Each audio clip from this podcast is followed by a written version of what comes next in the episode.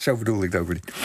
De beelden van een heupwiegende Maxima en een meehobbelende Willem-Alexander op bezoek in het Caribisch gebied staan inmiddels bij iedereen op het netvlies. Op de eerste dag van hun 14-daagse bezoek ging het koninklijk echtpaar en de kroonprinses ook kijken bij de zogenoemde slavenhuisjes. Maar wat is het verhaal achter deze schijnbaar keurige huisjes die zomaar in een vakantiepark zouden kunnen staan? We bespreken dat met Boy Antoine, eh, die de koninklijke familie heeft rondgeleid afgelopen zaterdag. Uh, goedemorgen. Goedemorgen. Ja, half zes bij jullie, hè? Dat klopt, uh, heel vroeg. Ja, en hoe is het nu met, met u? Voelt u zich al lekker genoeg om ons te woord te staan? Ja, ja, simpel. Ik heb een, een kopje koffie gedronken, dus... Uh, ja, dus dan moet het goed komen. Zeg, die slavenhuisjes, laten we daar beginnen. Uh, wat zijn het en wanneer zijn ze gebouwd? Ja, die slavenhutjes die zijn gebouwd in 1850 voor de gouvernementslaven op Bonaire. Uh, dat was 13 jaar voor de afschaffing van de slavernij. En uh, dat is interessant, want de laatste jaren uh, wordt er onderzoek naar gedaan. En het komt naar voren dat ze gebouwd zijn eigenlijk voor, als propagandamateriaal van, van Nederland. Ze willen, de wereld, ze willen de wereld laten zien dat ja, hier op Bonaire worden de slaven goed behandeld. Dus ze hebben stenen huisjes of hutten om in te, of tijdelijk in te verblijven. Ja, wat we, we hebben beelden gezien deze week. Het zijn kleine, hele kleine stenen huisjes. was er dan voor iedere slaaf zo'n huisje? Was dat het, het, het, de propaganda? Nee, twee slaven die konden in zo'n hut slapen. En ik moet zeggen, het waren tijdelijke verblijven, want de slaven uh, zoutslaven. Dus ze moesten in de zoutpannen werk, uh, werken. Ze, ze, woonden eigenlijk in een dorpje, Rincon. Dat is 30 uh, eh, kilometer ten noorden van, van, van dat gebied. En elke, elke week in de oosttijd van het zout moesten ze vanuit Rincon, dat is het dorpje, naar die zoutpannen lopen. En daar bleven ze een week. Daarna gingen ze weer naar Rincon. Dus het, was geen echte, het waren geen huizen. Het waren tijdelijke verblijven voor de, voor de zoutslaven, de ja. gouvernementslaven. Ja. Nu uh, was u er ook bij, geloof ik, hè, toen uh, het koninklijk echtpaar deze huisjes te zien krijgen. Klopt dat? Ja, dat klopt. En hebt u ik ze het echte verhaal kunnen vertellen, hoe het werkelijk was? Ja, het was al uh, kort, dus ik, moest, ik had vijf minuten. Maar later, in de namiddag, was ik in de bus met hen. En toen heb ik verder uitgelegd over hoe, hoe het slavernij op Bonaire in elkaar uh, zat. Dat was iets anders dan op Curaçao.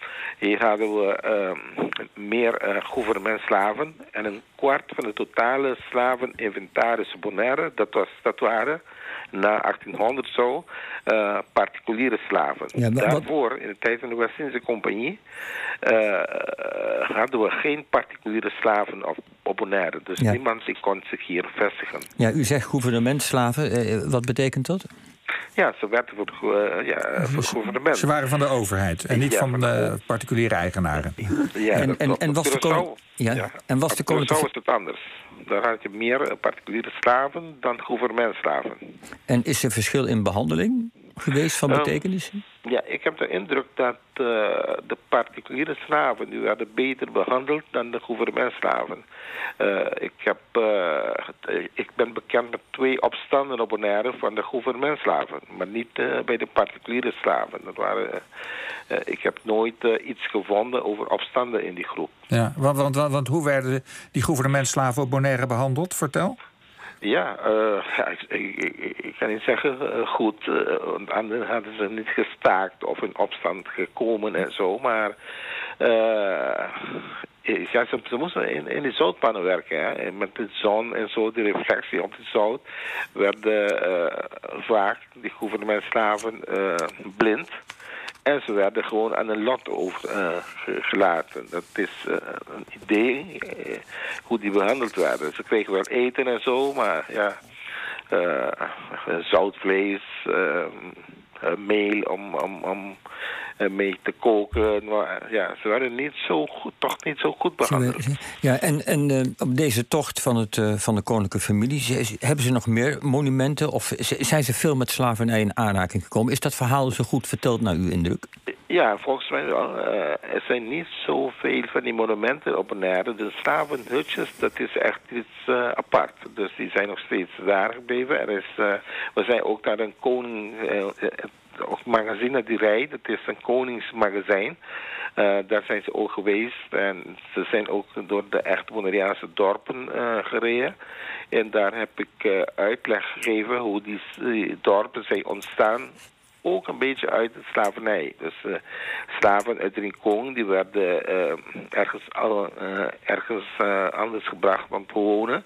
Dichter bij die zoutpannen. Maar ook andere dorpen Bonaire hebben een verhaal die verbonden is met de slavernij. Ja, nou heeft u die verhalen allemaal verteld aan de koninklijke familie. Heeft u het idee dat ze eh, dat, dat, dat, het dat het goed aangekomen is? Denkt u dat het effect gaat hebben? Gaan ze misschien excuses aanbieden? Ja, ik denk het wel. Ja. Ik zei tegen de, de koning... Um, kijk, hier in Bonaire worden die slaven... Uh, uh, genoemd. Katibu Direi is gewoon de koningsslaaf. Slaaf van de koning. Dus dat zegt alles. Dat, er is geen twijfel mogelijk.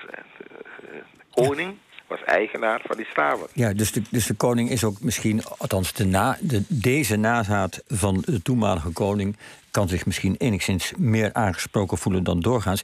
Nu mag u natuurlijk helemaal niets zeggen over wat de koning heeft teruggezegd. Heeft u alleen maar geluisterd of had u ook het gevoel dat er instemming was... of dat hij zei, nou, zo heb ik er nog niet naar gekeken. Goed, eh, mag u daar iets over verklappen of wilt u dat niet? Eh, nee, nee, dat wil ik niet doen. Maar uh, ik was tevreden eigenlijk hoe het overgekomen is.